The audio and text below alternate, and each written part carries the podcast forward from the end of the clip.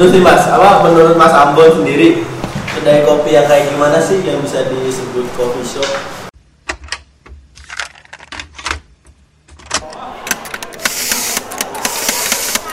Halo semuanya, kembali lagi bersama gua di berbicara episode kedua bersama narasumber yang sama.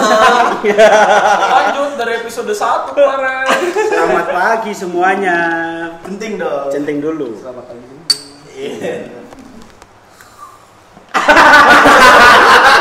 Kesel, kesel.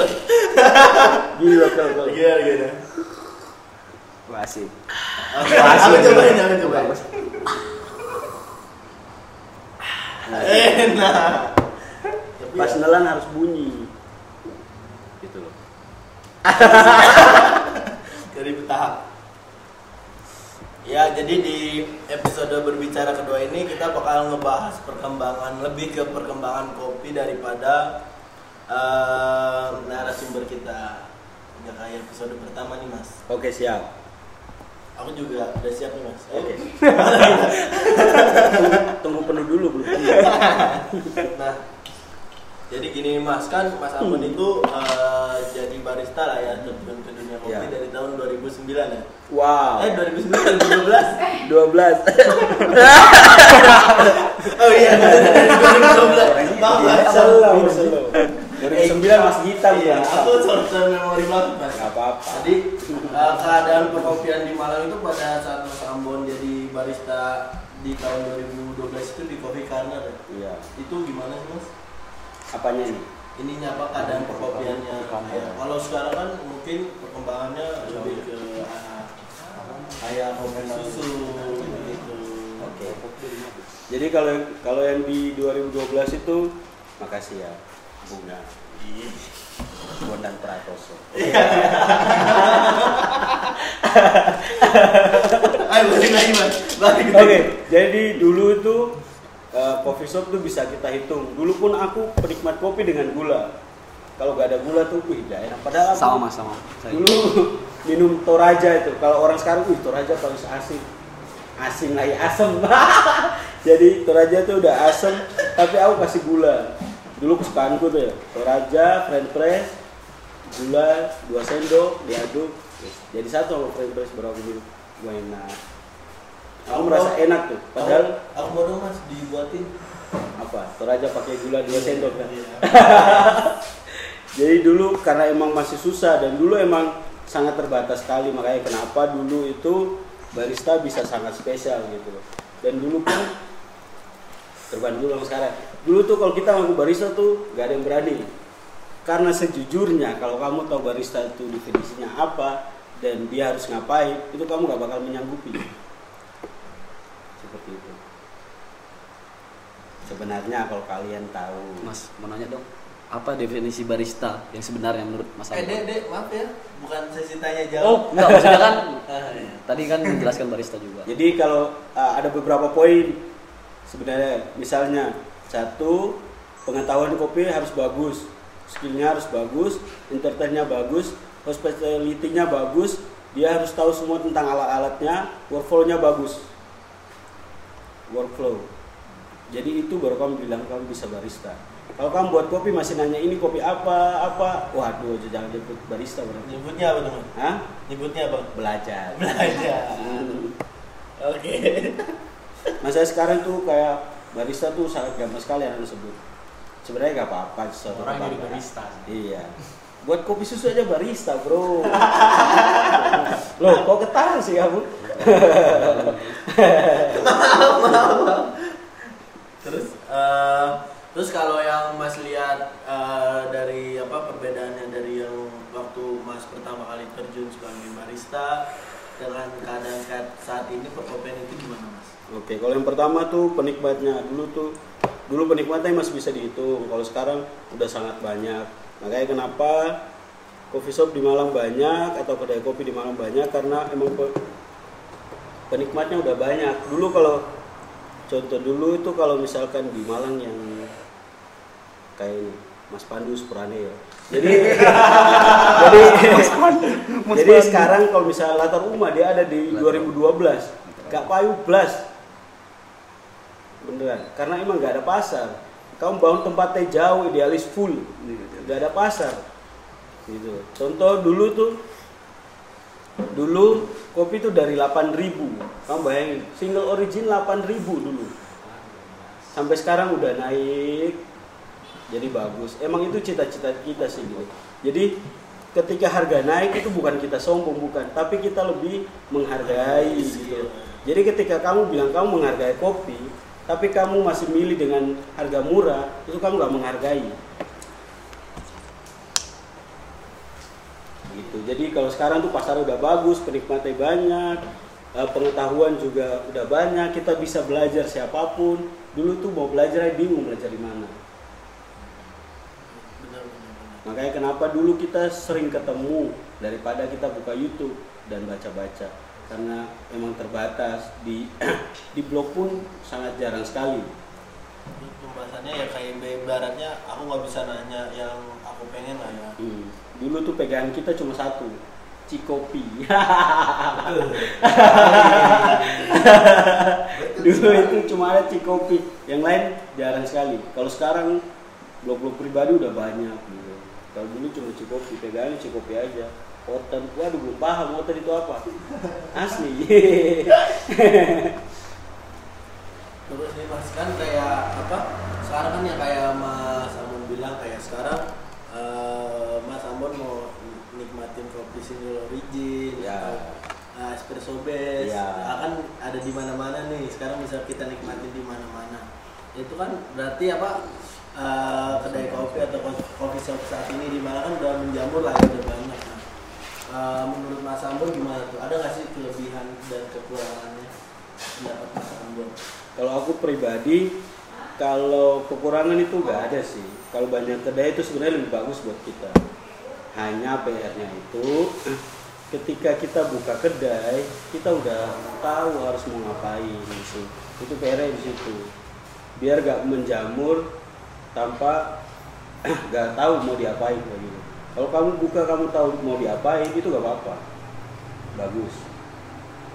Jadi kalau aku pribadi lihat perkembangan sekarang itu nggak nggak apa nggak takut atau merasa apa tuh nggak malah aku lebih senang karena aku bisa ngopi di mana aja sekarang enak wis ada yang dari mahal ada yang dari murah harga sedengan jadi kalau pribadi suka sekarang daripada dulu jadi terus gini mas kan apa eh, ini juga buat orang-orang atau owner kopi lah ya coffee shop kayak apa sih yang harus ada di sebuah kedai kopi itu mas? Yang harus ada. Ya kayak misalnya dia eh, buat bukan cuma karena apa nyari uang atau apa kan mungkin buat usaha kan karena emang keinginannya mendapat untung lah ya nyari uang. Mungkin kayak di sebuah kedai kopi itu hmm, Mas Ambon misalnya ada yang kalau Kaldi apa ya gimana ya kayak di antara kan mungkin ada uh, Simboyan nyore di antara Hmm. gitu loh, Mas kan menurut Mas Ambon nih buat yang mau buat buka kedai kopi Kalau aku pribadi emang ciri khas itu sangat diperlukan sekali. Itu semua usaha sih.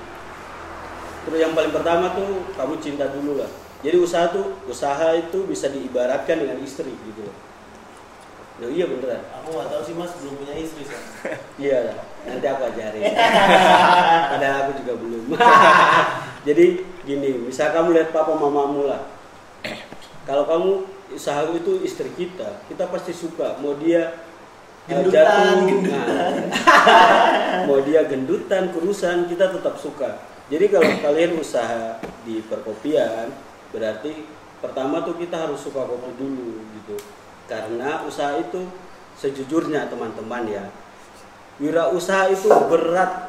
Gak seenak yang kalian lihat, misalkan, eh enak ya kamu ya punya usaha daripada aku yang kerja ikut orang. Sebenarnya enak kamu kerja ikut orang, udah gaji tetap, kerja pun eh, udah ada SOP-nya. Kita yang usaha itu sangat susah sekali karena kita harus kita mengikuti per- perkembangan harus ganti harus ganti harus ganti yang bisa dibanggakan dari usaha itu cuma satu. Karena itu ada itu aja. Selebihnya tuh berat. Jadi gak seenak yang orang gambarkan. Terus eh, apa sih kalau apa Ambo nih kedai kopi yang baik itu yang bagaimana sih seperti apa? Kalau pribadi yang dia memahami dia tuh mau nembak pasar di mana, dia memahami eh, kualitas apa nanti yang mau dia kasih kayak gitu. Kenapa? Kalau kita mau nembak pasar di mana, kita tahu kita mau bentuk kedai seperti apa. Kalau kita paham kualitas, kita juga tahu nanti contohnya kalau harga jual itu seberapa gitu. Jadi kalau misal kita gak tahu apa-apa, kita bisa dibohongi orang gitu kalau kita tahu apa-apa kita gak bakal dibohongi contoh misal di Malang itu juga ada beberapa kedai yang dia itu gak tahu hitung HPP itu seperti seperti apa. Jadi kalau harga jual dia ikut dengan warung sebelah. Padahal dia gak tahu kalau warung sebelah bisa lebih ramai daripada dia. Gitu. Jadi dia yang paling utama tuh di Malang itu tentang sistem. Itu sangat kurang sekali di Malang. Buka buka buka buka. Ada uang buka. Sebenarnya kita pahami dulu uang itu ditabung baru kita buka bukan ada uang kita buka. Karena emang zaman dahulu dulu tuh aku juga pernah buka gitu ya. Kalpataru Bisa aja Mas Ambon. bisa ya bisa ya negak kalau aku dulu aku ada uang tapi gak pernah dibuka. Karena aku belum mengerti pasar aku belum memahami sepenuhnya jadi aku gak berani. Jadi dulu aku memahami pasar dulu baru aku berani buka. Aku udah ilmu udah lumayan baru aku buka. Karena kalau misalkan sekarang ya sekarang udah banyak nih kita ada uang buka dan kita nggak tahu apa-apa itu paling lama kontrak mau habis selesai udah kamu karena kamu nggak ngerti nuntun harga kamu nggak ngerti harus hitung seperti apa jadi kalau bisa sistemnya matangin dulu baru buka. jangan ada uang terus buka. Nanti kasihan uang kamu. Dia pergi tak kembali. Itu kayaknya dalam dalam. Enggak. Jadi ini ya sebentar, mungkin kalian pada nggak tahu di sini bukan cuma ada Mas Ambon sama Mikel aja, tapi di sini juga lagi rame-rame. Jadi nggak usah heran kalau kedengeran suara-suara orang lain. Mungkin eh, gini ya, kalian belum banyak yang tahu mungkin Mas Ambon yang dulunya di Kalpataru itu mulai usahanya di mana sih Mas Ambon? waduh jadi gini ya. Kalau nggak salah ini ya Mas, ya, sorry. Kalau nggak salah di CFD dulu. Iya. Jadi sebelum kalian lihat aku yang sekarang ini, dulu sebut saja Bunga. teleskop. Iya iya iya. iya. dulu Saya tahu tuh Mas. Ya, jadi teleskop itu berdiri gak semegah dan sebesar itu dulu. Jadi dulu aku pertama itu uh, catering kopi. Aku bisa bilang aku catering catering kopi pertama di Malang. 2015. Itu yang lain-lain mungkin belum ada dan kepikiran.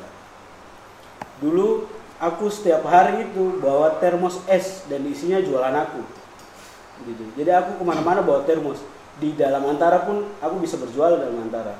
Orang pesan satu dua aku antar mau di mana pun. Jadi perjuangan aku gak segampang yang kalian sekarang gitu.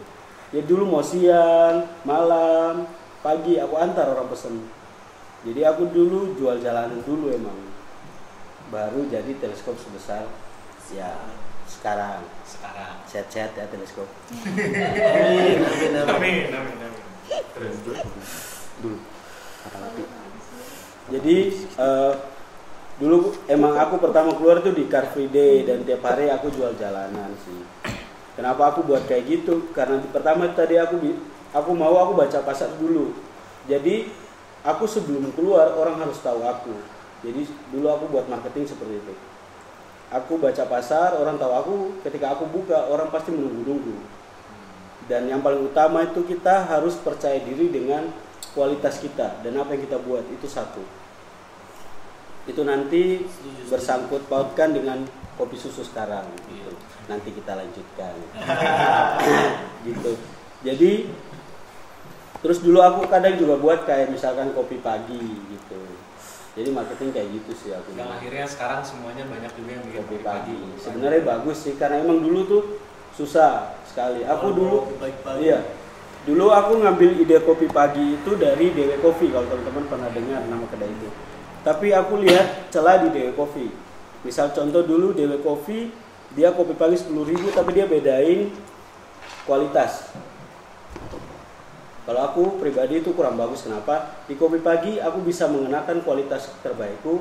Jadi ketika dia udah tahu kualitasku, mau berapa harga pun dia kasih. Setuju. setuju. Bangkrut di awal gak apa-apa. Sakit-sakit dahulu ya mas. Sakit-sakit dahulu. Bersenangnya nggak tahu kapan. Asli. Ya.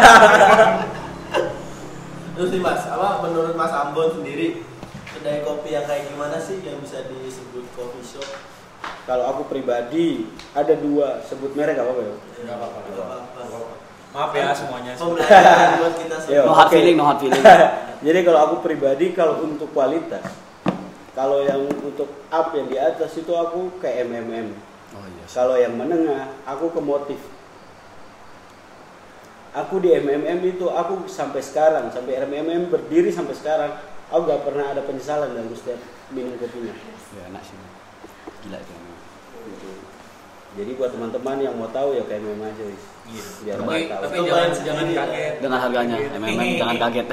Dia ngasih sesuai harga sih kalau Iya. Dia misalkan baru 50 ribu, kamu dapat dengan harga bisa lebih 50 ribu. Kualitasnya. Iya, ya itu makanya kalau kamu percaya kualitas pasti wis. Customer juga pasti ada. Hmm. Teleskop itu masih surutan ke berapa lah, jauh. Mas. iya. Sama motifnya kalah kalau kualitas. Asli. Mau tahu dong urutannya? Mau tahu dong Guys, urutannya? saya nggak ikutan ya guys. Mau tahu dong urutannya? Mau tahu dong? Eh, terus nih mas, apa saran dan tips dari Mas Ambon untuk para pelaku kopi? Eh, seperti apa nih pelaku yang bagaimana di bidang apa nih? Ya, Pelaku usaha pelaku mungkin. usaha ya, mungkin lebih ke pelaku usaha. Kirain di foto. Alhamdulillah. Alhamdulillah mas. Masih ada, masih ada kok, masih ada kok mas. Kurang liquid nih.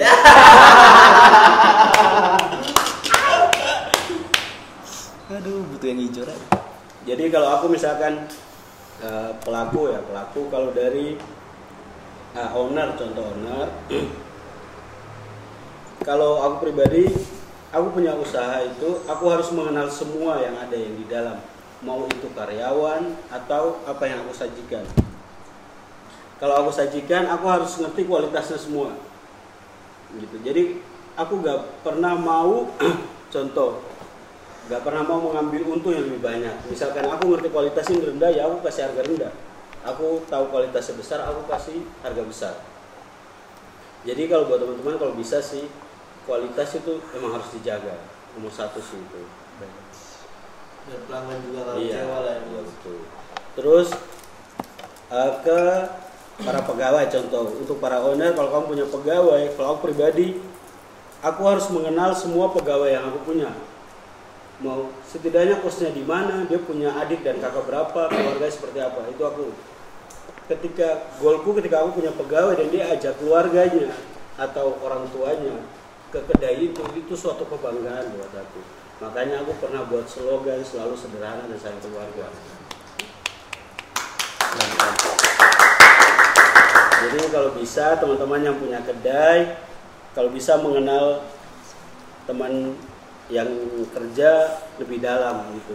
Kalau bisa kamu menjadi orang nomor urutan pertama ketika dia punya masalah.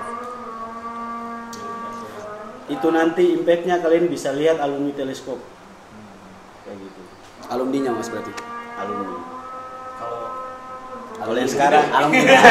mas. aku tanyanya Jangan, jangan lagi. Dikat aja dikat. Eh, ini ajan gimana nih ajan? nggak apa-apa aja nih ajan aja. Orang di gereja juga sholat sambil nyanyi. Boleh susu berkati mas. Aja. Hah? Enggak apa-apa mas. apa aku uh, pengen aja sih tentang kan sekarang kedai kopi selalu ada es kopi lah tren es Hmm. kopi lagi naik Oke. nah, itu menurut Mas Ambon gimana nih pandangan Mas Ambon Ya, kalau es kopi aku pernah bahas sih di dulu pas itu ada workshop di MX. Jadi kalau aku pribadi es kopi itu gak mengganggu sama sekali. Karena apa? Es kopi itu udah ada dari zaman dahulu. Hanya sekarang dia trennya lebih bagus. Dimodifikasi dimodifikasi. Jadi ketika dulu tuh mungkin orang kenal dengan ice cappuccino, ice latte. Kalau frappe, Frappe. untuk blend-blendan yang lebih manis.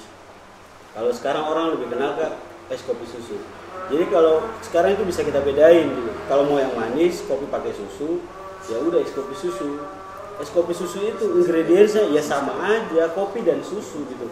Gak ada yang perlu dikhawatirkan dan kembali lagi sih sebenarnya. Kalau kalian teman-teman merasakan kekhawatiran ke es kopi susu para owner apalagi itu kalian nggak percaya diri dengan usaha kalian gitu loh. Makanya yang pertama tuh percaya diri di kualitas dulu. Dulu dulu 2015 aku jual es kopi susu tapi aku kasih nama yang beda. Isinya cuma 100 mili aku jual 15.000 ribu. Dulu. Dan karena aku percaya kualitasku gitu. Kalau sekarang misalkan merasakan kekhawatiran di es kopi susu, kedaimu tutupan rek wes. kejam kejam Gak apa-apa, ya berarti kamu nggak percaya diri. Sama kayak kita milih istri tadi tuh. Kamu nggak percaya diri usaha, di usahamu ya berarti nggak usah dilanjutin. Gitu.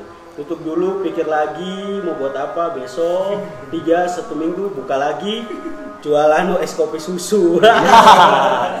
Jadi kalau aku pribadi ya nggak apa-apa sih es kopi susu. Itu sebenarnya kalau teman-teman bisa berpikir lebih luas, itu jembatan dari penikmat kopi saset ke kopi yang benar. betul Jadi kalau penikmat kopi saset langsung lempar ke cappuccino es, waduh, terlalu berat bos. Gitu. Jadi kalau dia minum es kopi saset yang es ya, terus dia ke kopi susu itu jaraknya cuma sedikit. Jadi bagaimana cara kita mengasih informasi ke dia perbedaan antara saset dan kopi susu sekarang gitu. Selama kopi susu itu dibuat dengan cara yang benar, pakai kopi betul, susunya juga betul, gak ada yang masalah gitu. Terakhir nih Mas dari kita. Yang terakhir dong, lanjut dong. Terakhir Mas. iya mas besok siang mas siang besok kopi siang saya atau besok mas datang lagi deh Pandangan Mas Ambon lagi nih tentang bisnis kopi, kedai kopi lah ya ke depannya itu akan gimana atau eh, ja- apa jalurnya akan ke mana? Nah, kalau aku pribadi sih itu pasti masih ada terus. Kita bisa ambil contoh kayak gini. Satu kedai tutup, itu berarti peralatannya banyak yang dijual loh. Yang pasti anak yang di Malang lagi yang beli ya buka lagi, buka lagi gitu. Jadi logika kayak gitu. Jadi pasti ada terus. Hanya bagaimana kita membuat satu perbedaan gitu. Ya, yang sekarang kurang itu suatu perbedaan. Kamu buka kedai tapi gak ada kayak template gitu. Buat kedai kopi sekarang gak ada template. Menunya bisa sama semua. Yang kamu jual apa kayak gitu. Nanti wes tak buat yang beda. mau tahu dong. Sangat. dibawa ke ditunggu. dibawa ke sini Maksudnya kalau dulu tuh kalau misalkan dulu ya teleskop itu ya, aku buka dengan menggebu-gebu. Itu ingin ini ini. Kalau sekarang itu Masih muda lah ya jiwa muda. Nah, Sekarang juga masih muda. masih muda loh mas Amon mas Amon lo 19 19 kan mas 19 iya. 19 96 Saya angkatan 2014 BMM. Jadi kalau dulu tuh sangat menggebu-gebu, kalau sekarang itu udah gak terlalu menggebu-gebu. Karena kalau sekarang buka ya itu tadi buka kedai udah kayak template gitu loh. Jadi udah gak ada yang kita kejar gitu. Jadi kalau bisa buka sesuatu yang beda. Contoh nih ya, jualan kopi tubruk, kopi hitam, kopi kopi hitam tubruk, kopi susu tubruk, gandeng X gorengan. Wah, Wah enak masuk mas itu Masuk akal. masuk ngopi dengan gorengan Asli, enak masuk itu akal. Karena ya masuk akal sebenarnya karena biasanya orang cari Gorengan. cari kopi tubruk sama gorengan yang di warung-warung kecil itu. Iya, Kenapa kita nggak bikin suasana yang beda? Betul. owner di owner ya aku nongkrong di warkop Mas. asik tapi Kita buat Kopi. Tapi suasananya asik. Ah, mau ngopi pagi. pilihan kopinya kan ABC, ya Iya. kan? Ah. Sama Sekarang paling single lagi. Kalau kamu kopi Joshua. Joshua Kalau kopi di susu ya. Oh iya terus ini, misalkan contoh kembali lagi apa apa ya? Iya. Kayak kopi susu gitu. ya. Kopi susu kalau teman-teman merasakan itu resah di sebenarnya kalau kopi hitam ada yang namanya Japanese gitu. Iya. Itu kalian bisa dongkrak lebih tinggi. tapi bagaimana cara kalian membungkus dia aja gitu loh asli kes- lah ya. iya kesegarannya itu waduh melebihi kopi susu karena aku sendiri itu minum kopi susu bisa dihitung berapa kali Berapa mas? Satu. Ditantang ya. satu bulan ini aku paling cuma satu kali minum kopi susu dan sampai sekarang pesan kopi aku gak pernah minum sampai sekarang Kenapa mas? Hah? Karena nggak pesan. bukan Bener sih. Jadinya nggak pesen kopi. Iya. contoh pesan kopi sepurane sam Pernah Sam? kalau aku pribadi kalau aku udah suka misal suka kopi itu aku lebih milih Japanese daripada kopi susu gitu loh jadi misalkan koneng aku arkop terus misalkan sering mengkritik kopi susu ya pesannya Japanese aja kopi susu Ayo semuanya jual Japanese. Iya, asli asli Ada kopi susu. enak asli Ya asli. udah, kan ada cold brew susu. Japanese itu enak asli asli Ini sebenarnya nggak apa-apa kalau gini doang. Iya bisa dikat. Tanya aja lagi. Siapa tahu ada yang lebih menarik ntar kok. Kalau misalnya ngikutin. Main, main cut cut. Ntar semuanya jual habis denger ini langsung Japanese, Japanese, Japanese. Eh, ah, justru kita di sini mau mempengaruhi orang untuk tidak jual kopi susu. Supaya kami Supaya? jual kopi susu di sini.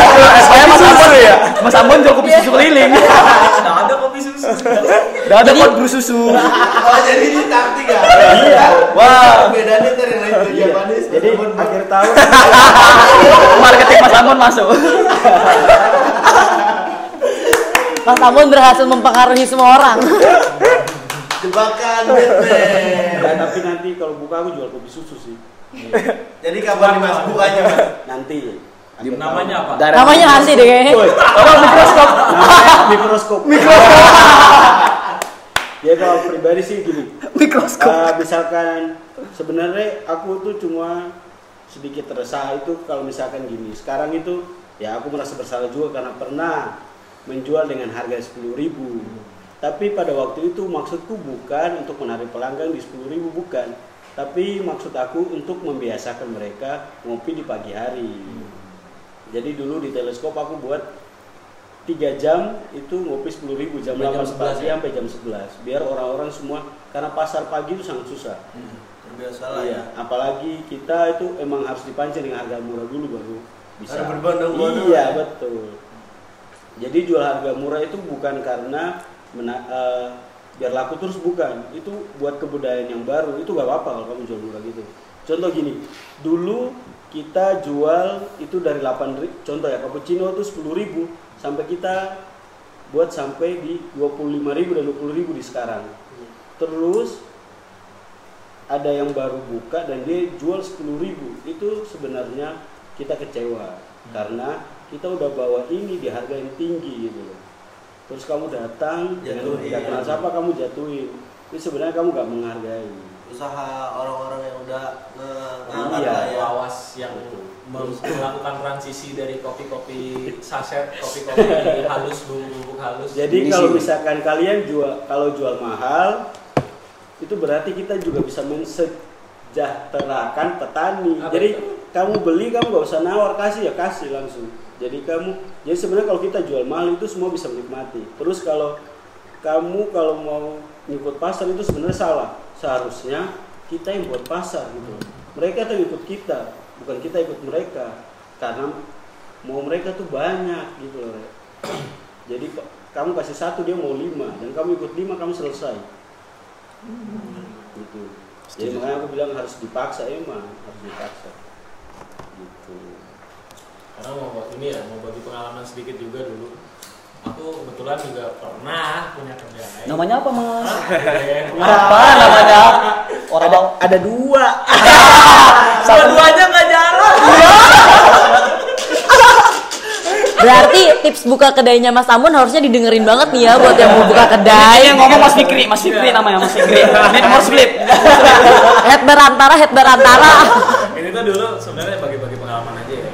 Ketika dulu awal aku buka sekitaran 2014 dulu, eh, itu agak susah, satu Hmm, agak susah ini. satu bicara satu melebar dari tempat kamu gitu. agak susah juga bikin pasarnya karena orang masih kalau mungkin sekarang agak enak ya jadi uh, orang udah pada tahu ya udah V60 15.000 ribu gitu nggak kaget harganya kalau kalau zaman dulu zamanku tuh orang ABM, di datang ke kedai di ABM, iya di ABM dulu ABM apa mas? Saya tidak tahu, saya orang baru. adalah daerah situ Oh iya. Jadi gitu orang datang melihat harga kopi padahal juga dulu aku jualnya nggak nggak sampai lima belas ribu gitu ada sepuluh ribu ada dua belas ribu karena aku paham gitu loh. Eh, mungkin transisi orang dari harga kopi yang pakai letak-letak itu yang yang apa namanya yang kopi-kopi halus itu cuma lima ribu enam ribu sementara aku kasih kopi istilahnya aku harus mengedukasi ulang bahwa kopi ini harganya segini kenapa kayak gitu orang aja dulu aku jual dua belas ribu pada kaget mahal banget mas dua belas ribu eh buset Sakit gak? Hah? Sakit. itu sih bagi-bagi pengalaman Ekspektasi sedikit aja. bagi pengalaman sedikit gitu aja Jadi kalau aku beri tambahan juga tambahan. Gak apa mas tambah terus Oke, aja. jadi bisa misalkan seharusnya kalau kita eh, buka usaha terus kopi gitu, jangan kita pelajari kopi aja jangan. Karena di usaha itu banyak yang harus kita pelajari. Contoh Manajemen. manajemen, marketingnya seperti apa. Jadi buat teman-teman yang di Arkop yang punya usaha, jangan sering ngumpul dengan Arkop aja gitu, harus keluar juga. Karena kalau kita sharing dengan anak yang jual makanan juga apa-apa, kita bisa mempelajari banyak gitu loh. Bener-bener. Gitu. Karena emang tujuan kita sama sih, bakul Iya. gitu loh. jualan Cuan strong. Jualan, jualan. Jualan. Jadi bisa banyak gitu. Misalkan dia di makanan itu pakai sih seperti apa bisa kita diterapkan gitu. Gorengan, pisang goreng. iya gorengan lagi Abis ini semua kedai kopi jualan gorengan loh. Wah, asik, asik tapi ngopi pagi. Tapi. Ngopi dengan gorengan asik tapi loh. Tapi gini, buka kopi pagi buat teman-teman semua yang mungkin eh, membenci kopi susu ya, apalagi Supuranisam pesan kopi. Tapi pesan kopi itu marketingnya terbaik. Nah, Iya, betul. Itu aku Betul. sendiri mengakui. Betul, itu pesan kopi terbaik. Semua jualan 10.000 sampai sekarang ada dan kualitas lebih maaf Sam. Kualitasnya lebih bagus daripada pesan kopi. Tapi yang paling laris pesan Pesan kopi. Ada aja. kamu bayangin marketingnya nggak sangat gimana gitu jadi jangan membenci tapi dekat tono ada ya. pelajari. Ambil ilmunya. Muncul di Instagram terus sponsornya, muncul. jadi sebenarnya marketing itu penting guys Iya. kebetulan kasih nih kebetulan saya saya saya saya saya juga buka jasa marketing saudara-saudara Jadi promosi diri bisa, ya. bisa langsung calling saya Nit, nit titik more titik slip. Ini titik. Udah, udah gaul, udah gaul. Mungkin karena kita abis ini ngopi pagi kali ya. Karena kita ngobrol sambil ditemenin sama orang tua nih. Orang tua kita. Iya, Mas Ambon orang tua. sayang keluarga Ya. jangan lupa berada di antara Gelek gelek gelek gelek. Jadi untuk uh, episode kedua uh, saya tutup sampai di sini saja. Jadi buat apa para Pendengar. manusia lah manusia. Manusia yang uh, orang-orang yang mau buat apa kedai kopi bisa di apa bisa didengerin podcast kita dengan narasumber Mas Ambo. Tadi siapa Mas? Maksudnya panjang banget Mas. Tidak malik terhantan kalau misalkan ada aku Tidak. salah atau mau kritik saran komen rantan Mau IG, Instagram. Instagram. Ya. Uh, mau tanya-tanya silakan nggak apa-apa. Nggak bayar nggak bayar jadi jadi cukup sekian episode kedua ini. Mohon maaf jika ada kesalahan kata dari saya Mikel dan dari Mas Ongen Rahatan. Siap. Dan dari Mas anak-anak Antara. dan dari manusia-manusia antara. Eh, sekali lagi kami minta maaf dan jangan lupa berada Dadah. Iya.